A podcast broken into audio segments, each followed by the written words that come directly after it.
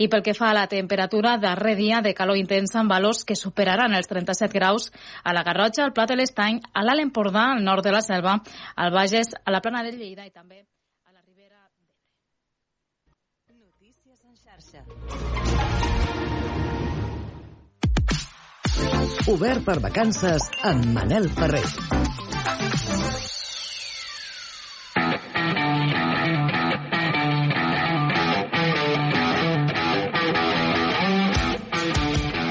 Deu i 4, tornem a ser aquí a l'Obert per vacances d'avui 2 d'agost del 2023 en directe acompanyant-vos. Estem a la primera setmana d'agost. Alguns tornen de vacances, però molts altres les comencen i l'hora de fer la maleta és un autèntic mal de cap. El mateix passa en com organitzem les segones residències, en algunes eh, vegades que ens portem feina, no? que, que, vaja, que ens porta més feina que una altra cosa. És per això que el dia d'avui parlarem amb la Marta Vilamajor, organitzadora d'espais professional de Rodalia i ens acompanyarà en Julen Andrés des de Ràdio Ponent Mollerussa. Bon dia, Marta, i bon dia, Julen.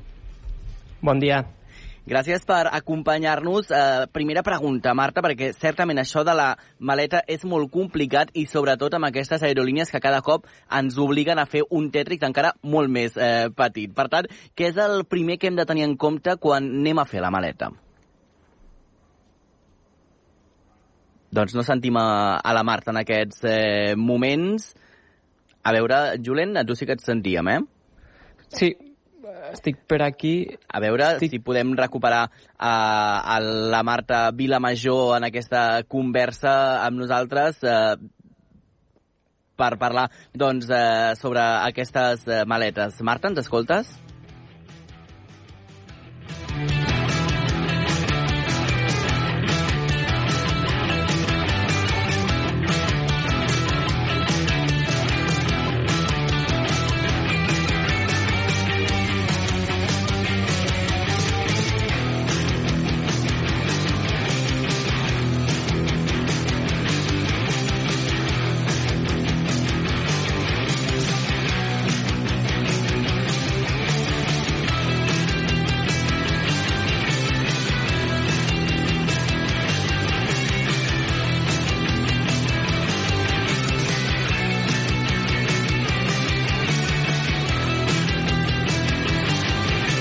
Doncs ara sí, eh, que podrem parlar ja amb la Marta per fer aquesta maleta que explicàvem. Uh, I, uh, Julen, no sé si tu ja has fet vacances o estàs uh, esperes a fer-les. Espero, espero fer-les. Molt bé. Em queda aquesta setmaneta. Molt bé, on marxes, si ho podem desvetllar? doncs mira, no ho sé ni jo, Ah, no ho perquè... saps, és sorpresa. Sí, perquè amb la meva parella no, no, bueno, no sabíem on anar i hem agafat una agència d'aquestes que no et diuen on, Oh, on vas fins tres dies abans. Molt bé, doncs una molt bona, una molt bona experiència, ja veuràs, eh, ja ho he fet en alguna ocasió, i és eh, molt interessant perquè no ho descobreixes fins les darreres, darreres hores eh, Exacte. on, eh, on aniràs. Per tant, això també, Julen, ho complica moltíssim perquè no saps molt bé tampoc què has de posar dins de la maleta. També és un gran repte. Exacte, per això estic eh, desitjant poder parlar amb la Marta perquè jo necessito aquests consells perquè l'hora de fer la maleta per mi és un mal de cap. Totalment, totalment. Doncs estem intentant recuperar la Marta. Deia Julen que cada cop és més difícil perquè cada vegada les aerolínies ens ho posen més difícil, amb menys espai no? i amb menys eh, litres d'aquestes maletes. Per tant, és una cosa eh, molt breu i, i que a vegades, doncs, vaja, si no pagues no pots pujar depèn quines coses a, a l'avió i això ho complica molt més, eh? Exacte, i a més moltes vegades tendim a importar-nos més coses de les que necessitem Mhm. o, o, o no sé, Manel, però a mi moltes vegades em passa que a l'hora de fer-me la maleta per tornar, sembla que la maleta s'ha fet petita i tot allò que he posat a dins ja no, ja no hi cap. Exacte, mira, de fet, eh, tinc una, una amiga, de fet, que vam viatjar a Mèxic, eh, que té el truc definitiu. Clar, això t'ha de sobrar molta roba, perquè es van portar com roba que estava gairebé per últim ús, és a dir, que l'havia de fer servir per última vegada, i en aquest viatge a Mèxic eh, s'anava alliberant de roba que potser volia llançar, doncs se la van portar tota, se l'anava posant i l'anava deixant pel camí, i així recuperava espai doncs, per portar souvenirs, que aquesta és una altra, perquè si ja, Julen, comences a portar coses a la maleta de fora, més el que ja portaves de casa, ja això ja sí que és un, un tètrix impossible, eh? Clar, perquè és això, a més se sume el que, el que puguis comprar en el lloc que has visitat i llavors ja sí que és un autèntic mal de cap fer el, el Tetris. Molt bé, doncs escolta'm, uh, estem a veure si podem parlar amb la, amb la Marta, si no la podrem tenir per uh, telèfon uh, per, per recuperar aquesta conversa i poder descobrir aquesta incògnita que avui volem resoldre, com fer la maleta de viatge, uh, doncs uh, qui sigui, quin sigui el vostre destí. El que sí que és cert, Julent, que a l'estiu segurament doncs, la roba és de màniga curta, per tant doncs, uh, ocupa molt menys espai. Sí, això, això és un, un punt a favor. Ara a l'estiu el que passa que, clar, que també amb, amb les altes temperatures i suem, potser sí que la roba és més curta i ocupa menys, però potser n'hem d'agafar més, mm -hmm. depèn dels dies que marxem. Sí, sí, això és importantíssim, i portar-ho tot, perquè ja a més si ens emportem ja les aletes, les ulleres per fer snorkel, és a dir, contra més coses vulguem portar, més avultat, per tant, eh, doncs hem de minimitzar i optimitzar moltíssim eh, l'espai per fer aquestes eh, maletes i, escolta'm, eh, també després vigilar moltíssim eh, què comprem a la, a la tornada per tenir doncs, eh, tot eh, l'espai disponible i, i per poder tornar a casa mínim amb el que ja portàvem a la, a la nostra maleta, que, escolta'm, ja és tot un, tot un repte, i si no, doncs clar, les vacances són una mica més cares, Julien, perquè has de pagar doncs, eh, l'espai de més que portis. Exacte, exacte, exacte. A més és això, um, si ens volem portar bastantes més coses, toca pagar, llavors potser ja no fa, no fa tanta gràcia. I a més també sé, amb la Marta eh, teníem l'oportunitat de parlar sobre les segones residències, que de vegades Exacte. és aquell lloc que utilitzen per anar a desconnectar, però eh, amb la feina que, que hi ha dins uh -huh. d'aquesta segona residència no acabes de desconnectar i la Marta també ens portava Dolent, doncs mira, per... anem a, a resoldre enigmes, incògnites, perquè ja tenim amb nosaltres a la Marta Vilamajor. Marta, com estàs? Bon dia. Hola, bon dia, què tal? Mira, doncs estàvem fent uh, teràpia directament, podríem dir, amb el nostre company sí. eh, Julen, uh, perquè, clar, tenim molts dubtes sobre com hem de fer aquesta maleta, com hem de resoldre el moment de sortir de casa. La primera pregunta uh, que et fem, què hem de tenir en compte a l'hora de fer la maleta per sortir de viatge? Vale. El, el, la clau per fer la maleta és la planificació Vale? Aleshores hem de tenir en compte el destí, perquè no és el mateix si anem 15 dies a un càmping a la platja o, o de creuer als fiors noruecs, no? Mm -hmm. O fer una GR al Pirineu.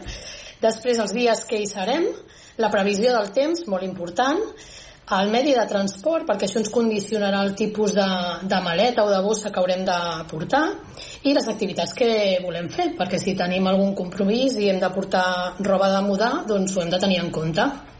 Aleshores, un cop tenim totes aquestes coses clares, el que hauríem de fer és una llista, d'acord? Amb els imprescindibles, amb la roba, el necesser, el calçat, els complements, els accessoris, mm. i un cop tenim aquesta llista, ara bé, el que és important és preparar-ho tot damunt d'un llit o d'una taula, eh, posar-ho tot per categories, samarretes, pantalons, roba interior, i mirar si realment tot el que hem posat en aquesta llista és necessari perquè moltes vegades segur que us ha passat que carregueu mig armari i després us acabeu posant les quatre peces bàsiques sí? Mm -hmm. Sí, sí, oi sí, tant. Sí, totalment.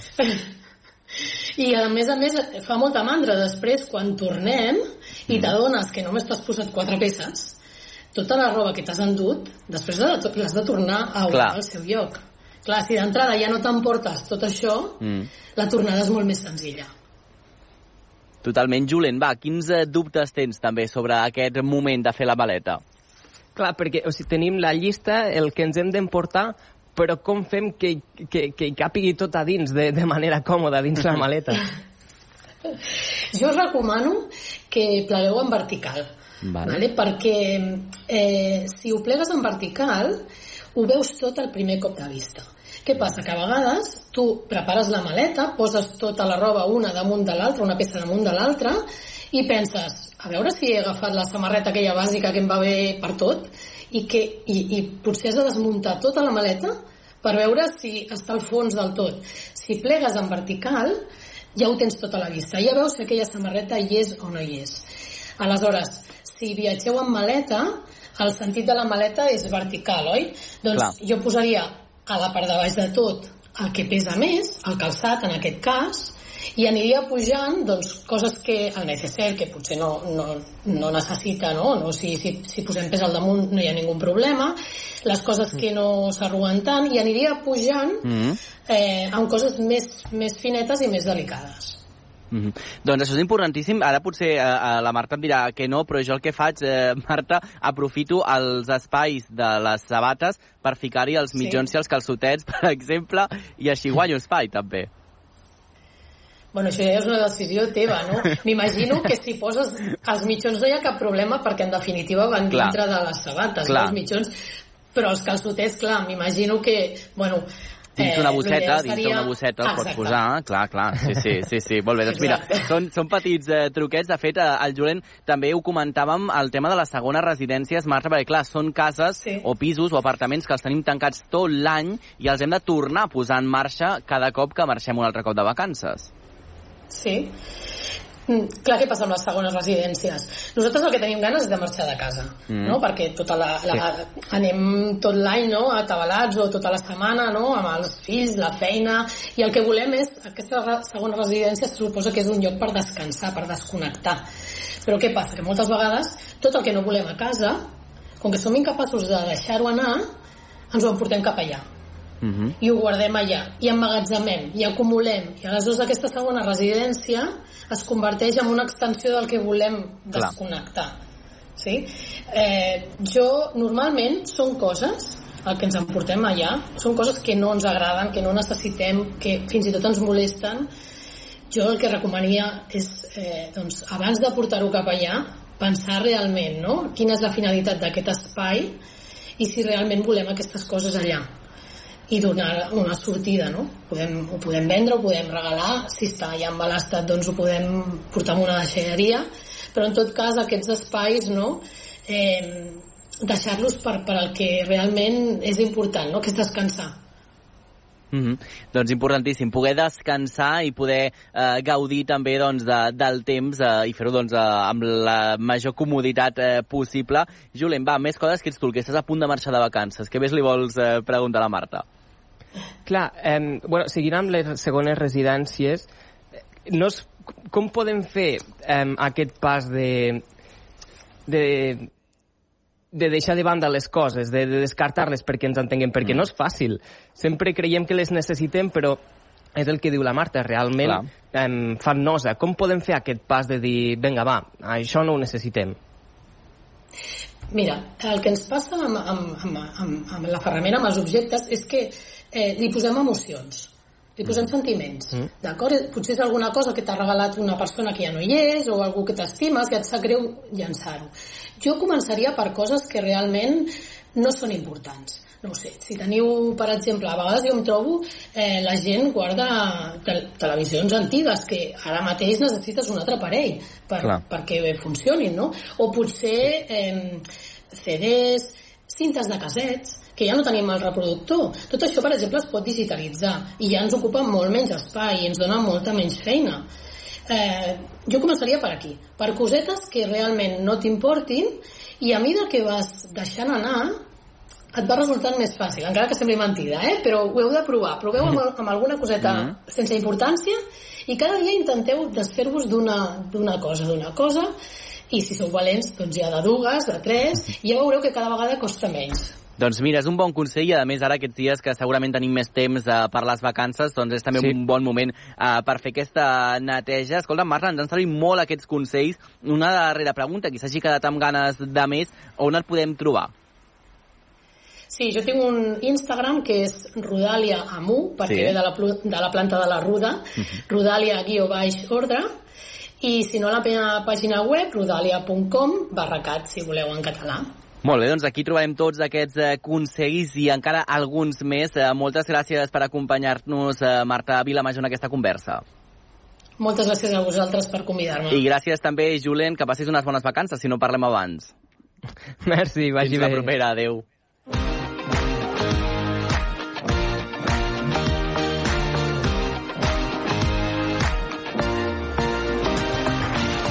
I hem parlat de com fer la maleta, però ara ens toca estalviar. En el nostre Estalvia 2 d'avui parlarem amb l'especialista en comunicació digital Joan Teixidor, que parla d'estalvi en tecnologia, no estalvi econòmic, sinó de temps. Com reduir el temps que passem davant la pantalla i arribar al cas superat l'addicció digital? La resposta amb la periodista Laura Alcalde de Ràdio Rosselló.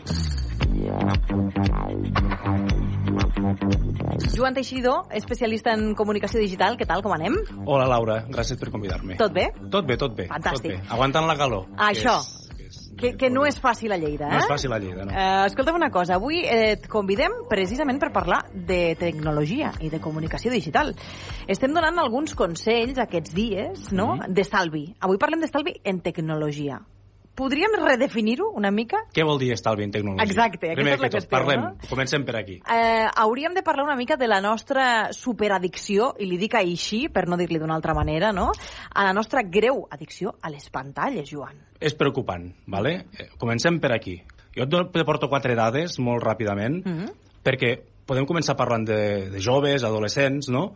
Clar, l'UNICEF diu que a Espanya un de cada tres joves, nens, adolescents, un de cada tres està enganxat a les pantalles, a les xarxes, a tot arreu, val? al mòbil. Uh -huh. Fixa't que una imatge habitual típica és un nen o una nana, o un adolescent o un adolescent, o un jove o una jove, amb el, amb el mòbil tot el dia enganxat, amb el mòbil aquí al cul, però sempre pendent del mòbil una cosa com un, una, una ortopèdia nostra pròpia. No? Un òrgan més, un eh? òrgan més nostre propi. Sí. Eh, un altre estudi que he, he llegit fa poc deia que el 40% dels adolescents està enganxat, vull dir, anem per aquí la tendència. Val? Eh, jo eh, faig classe també a la, a la Universitat de Lleida, amb nois de, noies de 18-19 anys, mm, amb, un, amb una carrera de, de, de disseny i tecnologia, uh -huh. i jo els hi dono l'assignatura de xarxes concretament. Mm. I hi ha una de, les una de les classes que fem és sobre ètica i, i, i, i, i, i, i tecnologia, diguem-ne, no? I addiccions, això. I els pregunto quanta estona estan al mòbil. Oh, no ho sé, no ho saben mai. Escolta, al mòbil hi ha un, una pantalleta a les opcions que et diu quantes hores portes al dia. Mireu, els 40-50 que estan a classe, mireu, qui li donem menys d'una hora? Cap mà aixecada. Entre una i tres, cap mà aixecada. La mitjana, la mitjana, Laura, és a partir de 6 hores, Cada dia. cada dia. Entre 4 i 6 hores de la, estar mirant el mòbil. Val? Estar mirant el mòbil vol dir que si mires un vídeo al YouTube o una sèrie de Netflix també compte, uh -huh. però bueno, no és lo habitual que fem amb el mòbil. Val? Exacte. Eh, la mitjana és aquesta. Però què passa? Que això si ho trasladem als adults també passa alguna molt semblant. Fa poc també llegia una enquesta de l'OCU, que la tinc aquí apuntada, que diu que els adults passem de mitjana 5 hores al dia al mòbil. déu nhi Només cal que agafem l'aparell, ho, ho mirem i, i ens sortirà. Uh -huh. mm? Vull dir, això, a- això ho podem controlar nosaltres mateixos. I això, si vols que parlem de trucs o de consells eh, que podem utilitzar o que podem fer anar a partir d'ara, Sí. aquest seria un primer, un primer truc, un primer consell, que seria... Al mòbil tenim una, una aplicació neta, cada mòbil i cada marca ho fa a la seva manera pròpia, que et diu quantes hores portes de connexió al dia. Això ens serviria eh, per posar-nos allò en, en, en entredit a nosaltres mateixos? És a dir, si, aquesta consulta la fem un cop al dia, podríem arribar a frenar-nos o creus que no és prou efectiu? Jo crec que és molt efectiu perquè mm, moltes vegades tenim la percepció de que no hem estat tantes, tanta estona Mm. al mòbil. I l'agafes i et diu, portes dues hores i mitja. Ostres, com jo he estat dues hores i mitja avui? És impossible. Però no és impossible perquè al matí, quan has obert el mòbil, has mirat les notícies de no sé on, has obert un podcast perquè volies escoltar 10 minuts de no sé què, pam, pim, pim, pim, pum, dues hores i mitja. Ara ho estic buscant jo al meu, eh, però no ho he trobat. Després ho faré. Em, per què, no? La pregunta sempre és per què passem tanta estona davant del telèfon? Mira, he trobat una, eh, una declaració d'una psiquiatra, en aquest cas és la Marian Rojas Estapé, eh, en un gran debat en què ella, doncs, eh, damunt d'un escenari, diu coses com aquesta. La pantalla, dos temas importantes. Gratificación instantánea. Las redes sociales fueron diseñadas para ser adictivas. Sam Parker cofundador de Facebook, reconoció en un evento médico en Filadelfia. Dijo, creamos Facebook para generar adictos. Nos dimos cuenta que lo que más desea el ser humano, lo que más le gusta al ser humano, es sentirse querido. Sentir que alguien le dice que le gusta algo de lo que él tiene, de lo que él lleva, de lo que él lleva puesto, y se creó el bottom like. Yo supongo que el tío que creó el bottom like pues tiene varias islas por el mundo y tiene varios barcos de muchos metros, porque es que modificó el cerebro del ser humano. És fortíssim, no?, que el, un botó de like eh, doncs ens faci canviar absolutament hasta l'estructura cerebral, no? Mira, el botó del like, exacte, provoca, provoca tot això, i, però jo te vull parlar d'un altre botó que no existeix i que hauria d'existir. I que el creador d'aquest no botó va dir que si fos avui no el desenvoluparia. Vale? Quin és? És el no botó del seguir leyendo. És a dir, és el que fem avui, el que podem veure avui al Twitter, que és que no hi ha botó de seguir leyendo. No hi ha botó. Tot és un scroll infinit. Te sona? Sí, sí, sí, Te sona sí, el scroll sí, sí, infinit? sí, sí, sí. Que vas tirant, Tirant, vas tirant, tirant, tirant, tirant, tirant, tirant. no acabes mai. Fins que et canses. Twitter, TikTok, Instagram, pim, pim, pim. Quantes vegades hem estat al, a l'Instagram mirant un reel o un això i dius, ostres, que porto 20 minuts aquí, cuidado. Doncs el creador de, de, de l'Scroll Infinite va sortir fa uns quants anys amb un, amb un programa de televisió i va dir, si jo fos avui el desenvolupador, si jo pogués tornar enrere, no, no, no el desenvoluparia aquest, aquest nou botó, aquesta, aquesta funcionalitat, perquè és que realment és el gran, eh, o és un dels grans problemes d'avui dia de, de, de, de, de, de l'addicció, del que comporta l'addicció a les xarxes socials. Més coses que diu la Marian Rojas Estapé sobre la dopamina. Pero ¿qué es lo que vimos? Y es que la dopamina, que es esa hormona tan maravillosa, que es la que regula el placer, que está en la heroína, en la cocaína, en las relaciones sexuales, en la pornografía, en todo aquello que genera muchísimo placer, y es buena porque tiene, genera ese placer, mal gestionada, es la hormona de las adicciones. Y cada vez que yo recibo likes, yo tengo microchispazos de dopamina. Por lo tanto, las redes sociales y la pornografía y los videojuegos y lo de la pantalla tiene un fondo adictivo. T'he de dir que he pensat en això dels microchispazos i sí que és veritat que t'agafa com una alegria segons qui et faci un like, no? O si, per exemple, has fet un tuit, no? I has mencionat algú molt famós i tens la fortuna, no? Eh, de que aquell famós et fa un favorito, Mm -hmm. per dir alguna cosa, Mm -hmm. sí que és veritat que sents com un microchispazo de Tens felicitat, com no? una, un, un, una, una piruleta no? de, de dopamina, és veritat.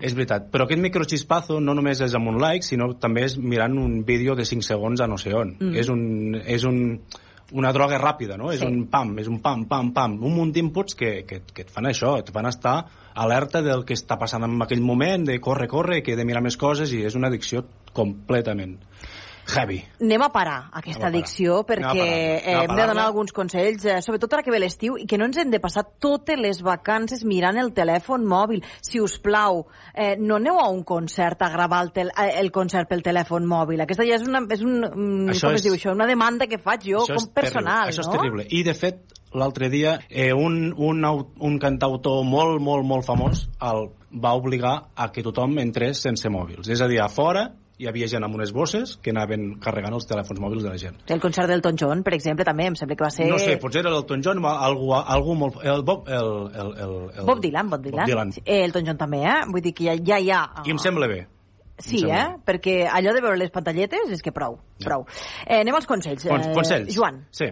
A veure, en primer lloc, un, el primer, tenim al mòbil una aplicació, ja per llei, per norma, cada mòbil i cada marca ho tenen d'una forma més o menys diferent, que et diu les hores que portes al connectat. Val? No només això, sinó que et diu le, a quina aplicació has destinat més temps i que tu puguis fer una primera valoració crítica val? de aquest ús que tu fas, no? Dius, ostres, com és que me marque 30 minuts al, al Twitter? Si jo no estic... Mentida, estàs 30 minuts al Twitter perquè és així, perquè això està comptabilitzat, val? Per tant, així, aquí podem fer una primera mm, presa de, una primera presa de contacte amb la nostra addicció, val? Mhm. Punt número dos. Els mòbils, depenent de la marca, depenent de tot, però normalment acostumen a portar un limitador. Eh, Jo- jo- jo el tinc, jo el tinc. Tu el tens posat No li faig cas. no li fas cas. Jo tinc un limitador que més me bloqueja l'aplicació. Ah, aquí. Vale? Ja et dic, per això cada marca i cada model fan a, a la seva manera. Però, normalment, eh, ara ja porten uns limitadors que tu li dius quanta, est- eh, quanta estona vull passar al dia al Twitter? Va, 30 minuts. Va de 15 en 15, 30, 45, 50, eh, 50 eh, una hora. I quan tu passes aquesta hora, te bloqueja l'aplicació. No la pots tornar a obrir. No? Ah, no. Fins al dia següent. Fins al dia següent. Al dia següent es, es torna a, a, a, A recarregar. a recarregar la, la, la d'això. El temps, sí, sí. Vale? Què més?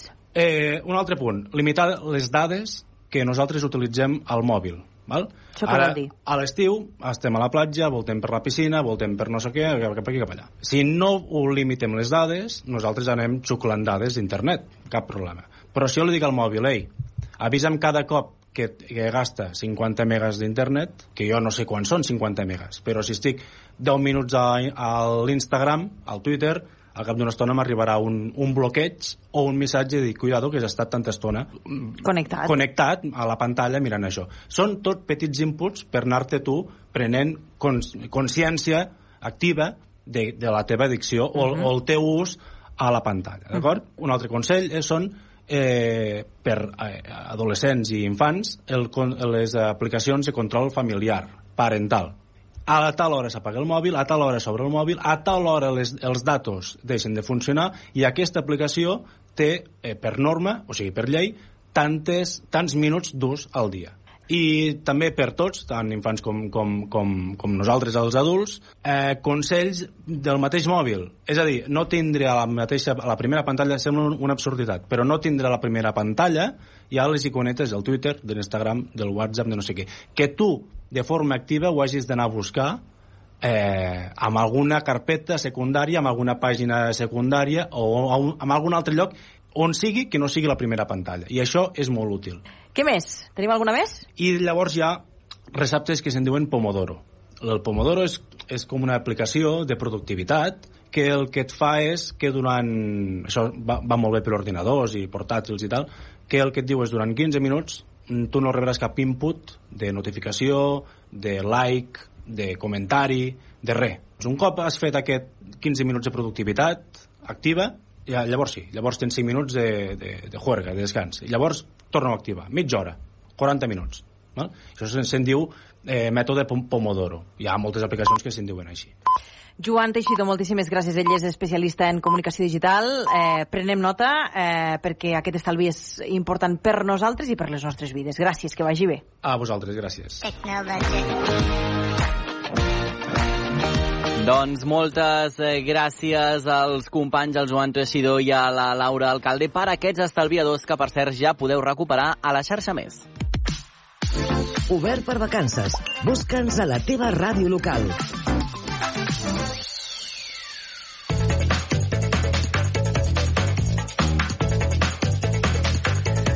Just dos quarts d'onze del matí seguim a l'Obert per vacances i és el moment d'anar cap a Vic on en Miquel ha anat a un dels punts que ens comentava i que són molt importants a l'hora d'organitzar un viatge. Ja tenim la maleta, l'hem après a fer fa una estoneta i ara ens falta el viatge, organitzar el viatge. Miquel, on et trobes? Bon dia de nou. Hola Manel, bon dia. Doncs estic ben bé al costat del casino que vam visitar Mm. el dilluns, però avui he entrat a un dels negocis que més tirada tenen de cara a l'estiu uh, i que de seguida coneixerem. Com que ara arriba l'època en què la gent té vacances i es pot fer un bon viatge, sortir ben preparats i per això existeixen les agències de viatges que t'ho deixen ben preparat i que uh, només has de tenir la maleta a punt a l'hora de marxar. I com que arriba l'agost i molta gent marxa de vacances, avui hem entrat a l'oficina de viatges alemany de Vic per conèixer com funciona des de dins i per això avui ens ha acollit en Xavier Alemany, que és el director de l'agència. Bon dia, Xavier. Hola, bon dia a tothom. Actualment això, ara arriba l'època de viatges, arriba l'època de vacances. Quins són els destins més recurrents que la gent opta de cara a les vacances? A veure, evidentment de destins eh, la carta és molt àmplia, però per si t'anés a dir uns, eh, un destí que de fa ja un temps està molt en boga, per exemple, són els Estats Units. Els Estats Units, a més a més, que permeten diferents tipus de, de, de viatges en funció de cada, cada tipus de client. A Europa, el que notem aquest any és que hi ha els països nòrdics, principalment Islàndia i Noruega, que també tenen molta tirada, la zona del Mediterrani, per exemple, Itàlia, aquest any també molt Grècia, també són llocs on la gent ens ho està demanant molt. I llavors també hi ha, hi ha llocs, com per exemple algunes illes on a l'estiu hi ha vols directes, i això dona també facilitat per desplaçar-s'hi, com poden ser les Açores, Madeira, fins i tot les illes Feroe també. I llavors ja parlant així de viatges de més llarga distància, doncs Àsia té molta tirada de fa temps, hi ha alguna, mm. alguna zona com per exemple la Xina que encara tot just s'està obrint, els safaris a Àfrica també és un clàssic que, que també es fa molt, uh, evidentment les illes del Carib i el que és la zona de Mèxic, el Yucatán, i tampoc podem oblidar els creuers, per exemple. I a dins d'Espanya, més en àmbit nacional, quins són els llocs més recurrents o que més atrauen a les persones? A veure, de sempre les illes, tant les Balears com també Canàries, i el que també ha molta tirada és el nord d'Espanya. Jo no sé si l'estiu potser buscar una mica la fresca que, que s'hi pugui trobar, doncs des del País Basc fins a Galícia, la zona de Galícia també amb l'atractiu de, de la ruta de Sant Jaume, per exemple. Uh -huh. Doncs, eh, escolta, uns eh, punts prou interessants. Eh, Xavier, et volíem preguntar també eh, com estan anant les xifres de turisme i també d'ocupació que pugueu tenir vosaltres de dades. A veure, aquest any està dient que estem ja arribant probablement a una normalitat. Normalitat, evidentment, vol dir que, doncs, que a l'estiu hi ha gent per tot i que hi ha moltes zones que fins i tot bastant plenes. No? Nosaltres normalment ara el que estem fent des de la pandèmia agafem com a referència en el nostre sector, no només nosaltres, en el sector turístic s'agafa com a referència el 2019, que seria l'any anterior a tota aquesta crisi que ens va caure a sobre. No? I pràcticament tothom, companyies aèries, hotels, agències, parlem de que estem ja amb xifres similars i en alguns casos fins i tot ja amb algo superiors al 2019. Precisament parlant de la pandèmia, quan va arribar, amb quina situació us vau trobar? a veure, ens vam trobar tots, eh, tota la societat, però el nostre sector suposo que un dels més afectats amb, amb, amb una situació que mai ens l'hauríem ni pogut ni imaginar, no? una parada absolutament total, però en el cas nostre, curiosament, eh, clar, un sector on per l'època de l'any en què va caure, el mes de març, mes d'abril, hi havia ja moltes reserves d'estiu fetes i diguem que nosaltres vam ser d'aquests negocis que, que no vam poder ni tancar. Al contrari, vam treballar el doble perquè vam haver de donar molta assistència a tots els clients que tenien reserves fetes per desfer-les, per recuperar eh, els pagaments que s'havien fet, per solucionar doncs, tots els problemes que ens van venir. No?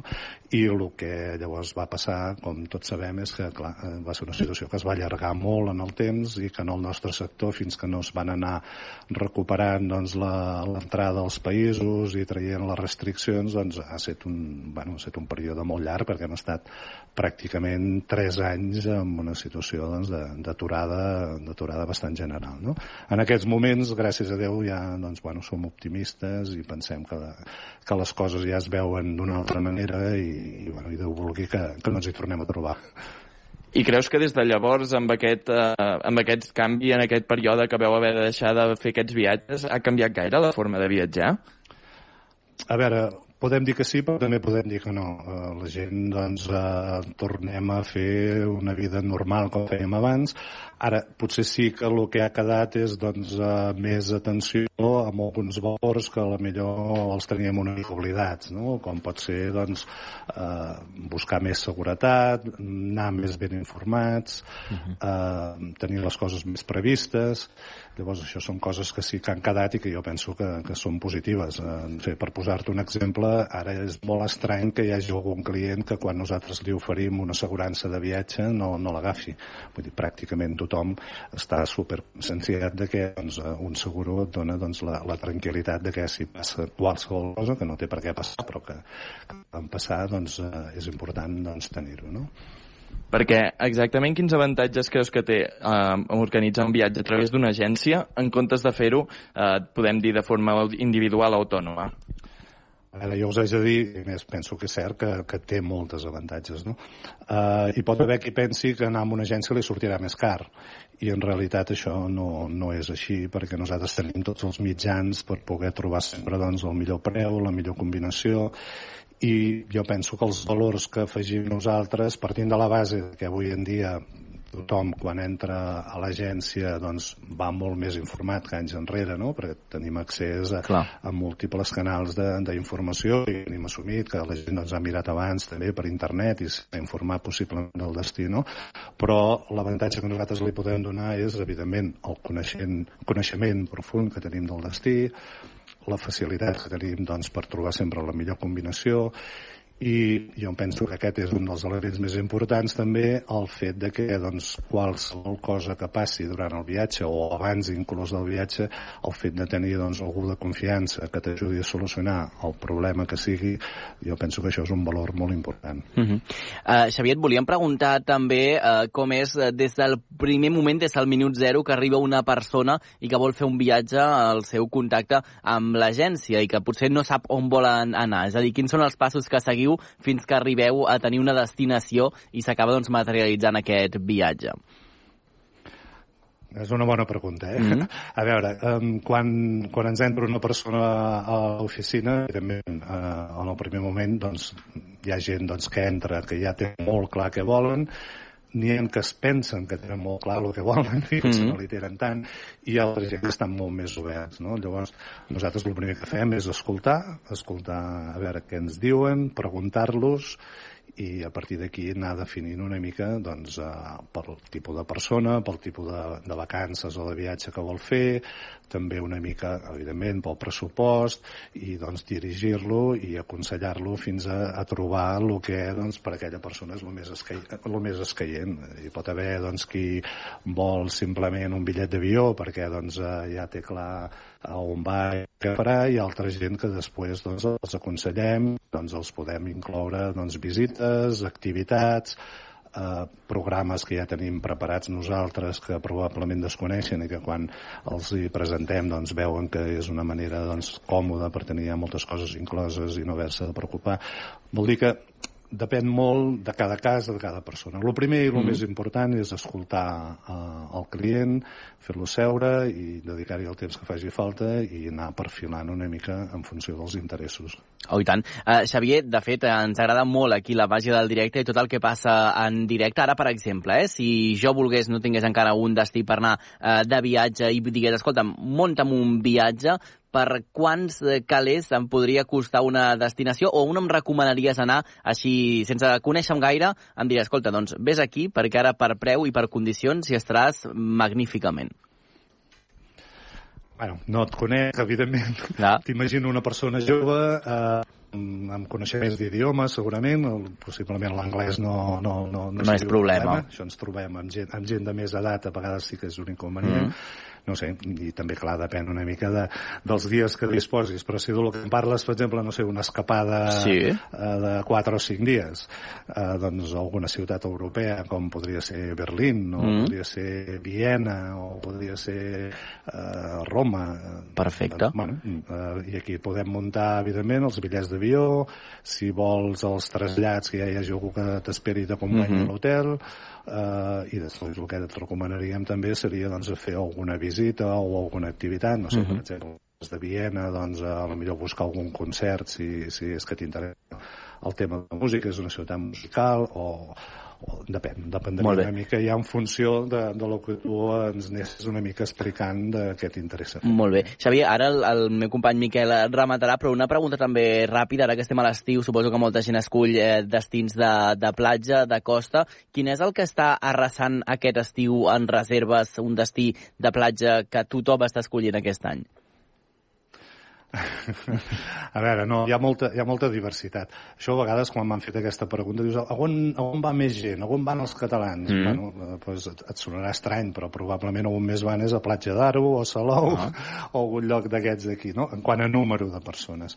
En quant a llocs eh, que, que s'estan reservant molt i bé, doncs les illes, tot el que són les illes aquí a les Balears, a mi m'encanta Mallorca, hi ha gent que els agrada més Menorca, hi haurà gent que, que Eivissa doncs, perquè l'ambient doncs, també és més, més festiu potser un, una zona que s'hi va més de lo que sembla, per exemple, és Formentera. Mm -hmm. Formentera és molt recomanable, no potser ara ben bé per al ple mes d'agost, però doncs, la temporada s'allarga des de fins a tardor. I una escapada de Formentera d'allò cinc dies abans de l'estiu o ara ha passat passat a la, tota la voràgina aquesta de, de l'agost, doncs, per exemple, és un, un lloc super recomanable per anar a descansar i relaxar-se uns dies. I ja per acabar així de forma breu, que, quines recomanacions a les persones eh, que han de viatjar? Com, quina, quins consells els donaríeu? A veure, el primer consell és que vagin amb, el, amb la ment oberta que, i que vagin a disfrutar. Val? que quan viatges, evidentment, sempre poden sortir coses, no? I a tot ens i a mi també, encara que estigui cansat d'anar-hi, a l'aeroport, no? Només de pensar que has d'anar a l'aeroport hi ha molta gent que a la nit abans fins i tot n'hi ha que no dormen. No?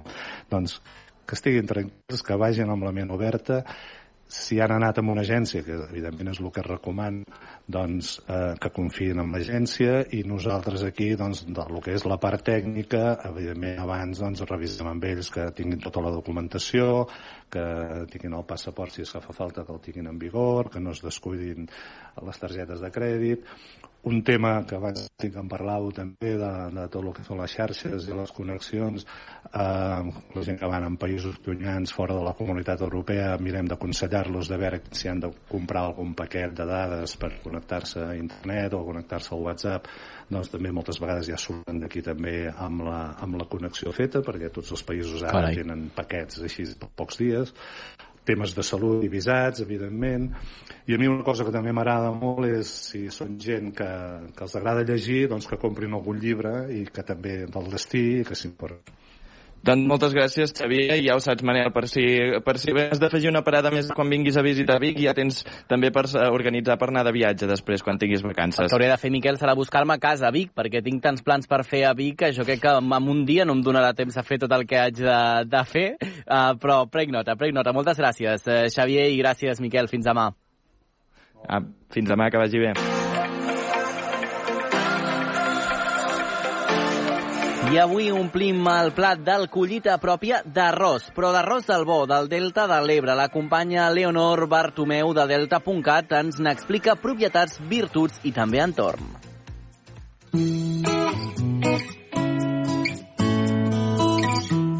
Collita pròpia.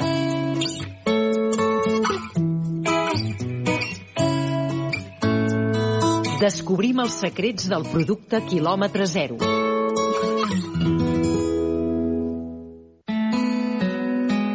Nom. L'arròs. Nom científic. Orisa sativa. Indret on es conrea. El delta de l'Ebre. Temporada. L'arròs és un producte que es consumeix tot l'any. El cicle del cultiu s'allarga durant mesos. A l'abril s'inunden els camps d'arròs, al maig es fa la sembra i la cega es realitza entre els mesos de setembre i octubre.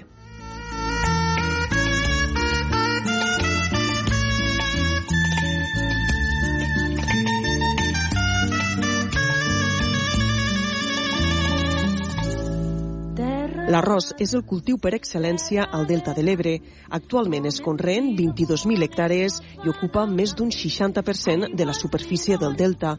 El cultiu de l'arròs va arribar a finals del segle XIX amb la construcció del canal de la dreta de l'Ebre primer i el de l'esquerra després i va suposar transformar tota una zona plena d'erms i salobrars en camps d'arròs.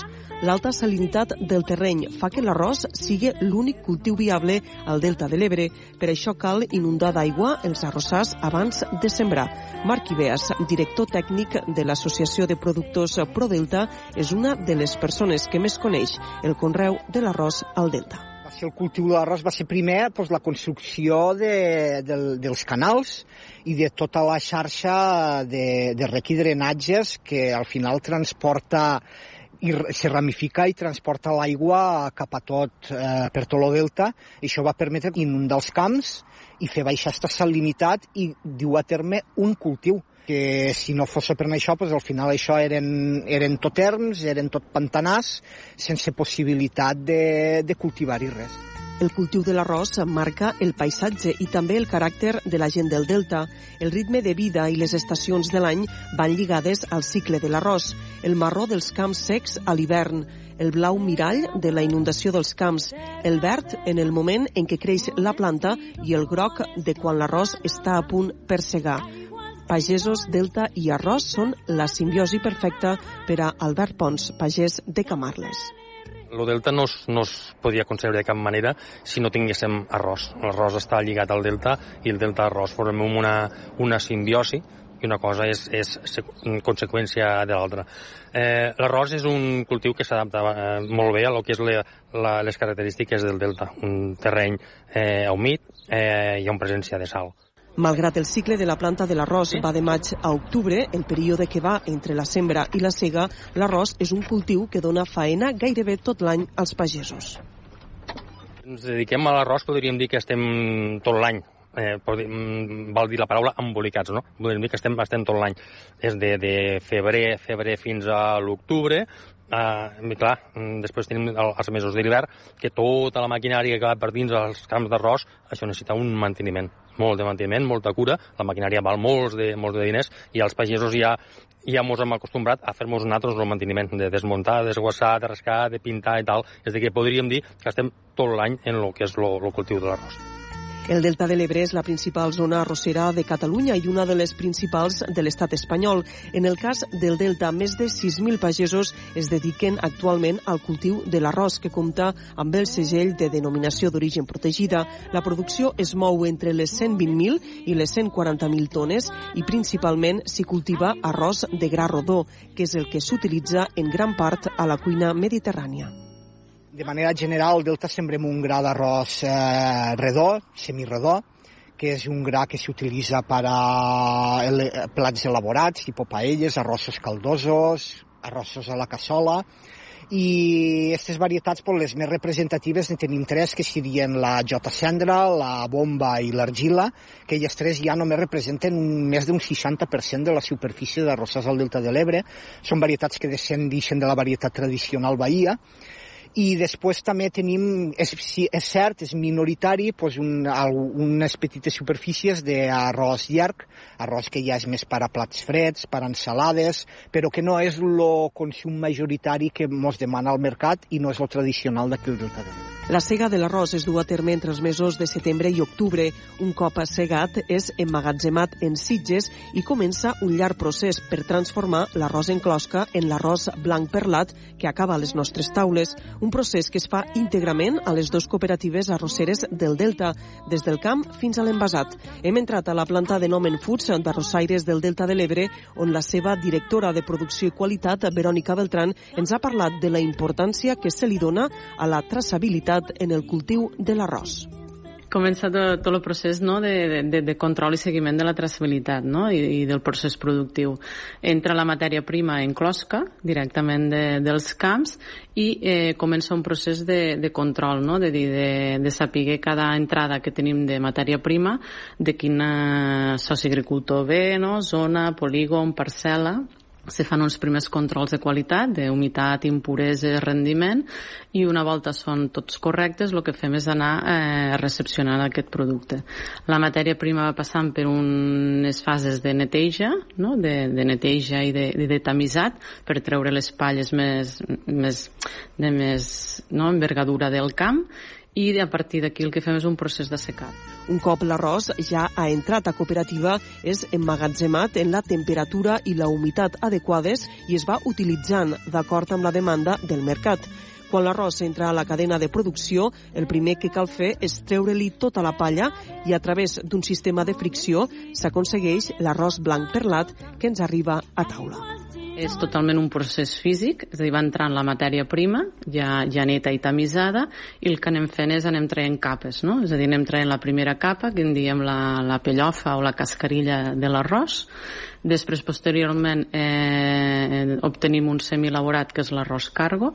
Aquest arròs cargo el que fem és blanquejar-lo i polir-lo, mitjançant unes, uns equips que són unes pedres d'esmiril amb, un, amb uns tamisos que el que fan és que l'arròs va voltant sobre si mateix i sobre altres grans d'arròs per un sistema de fricció física. L'arròs del Delta de l'Ebre està cultivat en el marc d'un parc natural i d'una zona humida d'importància internacional.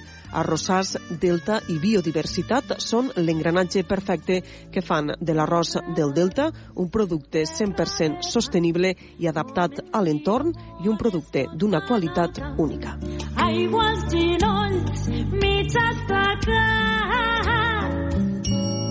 canten i riuen, canten riuen i conten xistes per oblidar, canten Obert per vacances. A la platja, a la muntanya, a la teva ràdio local i també a la xarxa més.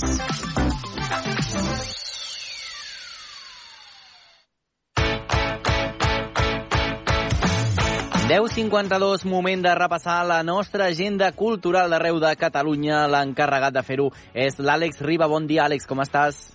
Bon dia, Manel. Estàvem aquí ara amb la Roset del Delta, eh? Oh, i tant. Quin producte sí, sí. de qualitat. Perfecte, perfecte. Un eh, planàs perfecte doncs, per un dia d'estiu, però avui ens proposes més plans.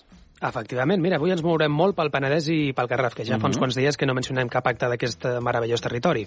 Molt bé. Comencem, Manel, eh, amb el Festival Jardins Terramar de Sitges, un esdeveniment que ja rutja des de la setmana passada, però que ara enceta els seus plats forts amb actuacions com les de Malú, Tom Jones, Niña Pastori, Blaumut, Fangoria i Antonio Orozco. Ojo, eh? Quin elenc. Mm, perfecte, home, un eh, entorn meravellós i uns artistes espectaculars, clar que sí. Mm -hmm. Les entrades tan sols es poden adquirir a través de la pàgina web del festival i, bueno, a més, tots sabem que el gran ambient que hi ha a Sitges eh, durant l'estiu. Durant Mhm. tot l'any, eh, però l'estiu especialment. Especialment, especialment. Doncs mira, un pla que sumem i quin pla més ens expliques? Doncs mira, també farem una parada obligatòria al Vendrell, perquè demà arrenca la cinquena edició del Festiuet, un Mhm. altre festival que, això sí, presenta un altre tipus de música. Manel, A veure. digue'm una cosa, a veure, t'agrada Zo? M'agrada Zoo, i tant, m'encanta. Un tobogán, li falta un tobogán, que vaya al Willy el pose, que está pasando mal. M'encanta, eh? M'animo a ballar en un moment amb això, Àlex. Doncs el podràs escoltar en directe aquest dissabte a Comarruga. Uh -huh. Però si prefereixes altres opcions, tens tres dies sencers de festival per a passar-ho bé, de dijous a dissabte. Entre les bandes i artistes convidats hi ha Lil Dami, Figaflaues, Ginestà i Làgrimes de Sangre. Uh -huh. Els abonaments es poden adquirir a la pàgina web del festival amb preus que oscil·len entre els 18 i els 56 euros. Molt bé, doncs un planàs més i un darrer pla, vam. Acabem amb un cicle cultural nocturn que arrenca demà a Castellserà, a l'Urgell, el qual inclou propostes que van des de la música i el teatre fins al circ i l'humor. L'espectacle inaugural tindrà lloc a les 10 de la nit a la Panera i serà una sèrie de cants poètics d'artistes catalans. La música anirà a càrrec de Sílvia Rufac i Albert Del Viso. I a més, Manel, l'entrada serà gratuïta, és a dir, que no hi ha excuses. Ens encanten aquests plans de gratuïts i què més tindrà aquest cicle? Doncs mira, les propostes eh, també s'han previst durant cada dijous a l'agost, tot i que, Mhm. per exemple, aquest dissabte a les 8 del vespre es durà a terme la cloenda del 21è curs internacional de cant, també inclòs dins de la programació del Castellserà de nit. L'alcalde del municipi, Marcel Pujol, destaca que la voluntat del cicle és apropar la cultura als pobles més petits de l'Urgell. La voluntat del Castellserà de nit, sobretot, és acostar la cultura als pobles més petits. Eh, fa uns anys que ho fem, per tant ja, ja tenim un bagatge al, al darrere, omplim tots els dijous de, del mes d'agost i mirem doncs, sempre de, de fer una programació adaptada a tots els, a tots els públics i cada vegada més doncs, amb espectacles que, que siguin doncs, eh, familiars, no? perquè és quan, quan més activitat eh, doncs, ens porten. La iniciativa s'allargarà fins al 31 d'agost amb un espectacle familiar d'humor anomenat White Bottom, les entrades del qual tindran un preu simbòlic d'un euro cadascuna. Doncs queden aquests plans anotats a la nostra agenda. Gràcies, Àlex. Fins demà. Fins demà.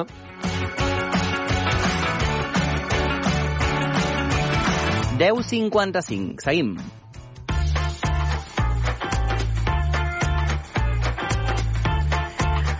Anna Gasol, bon dia. Escolta'm, avui anem corrents, corrents, corrents, però tenim temps per escoltar encara algunes respostes que ens envien els nostres oients al 628 841 055 del nostre concurs de l'estiu.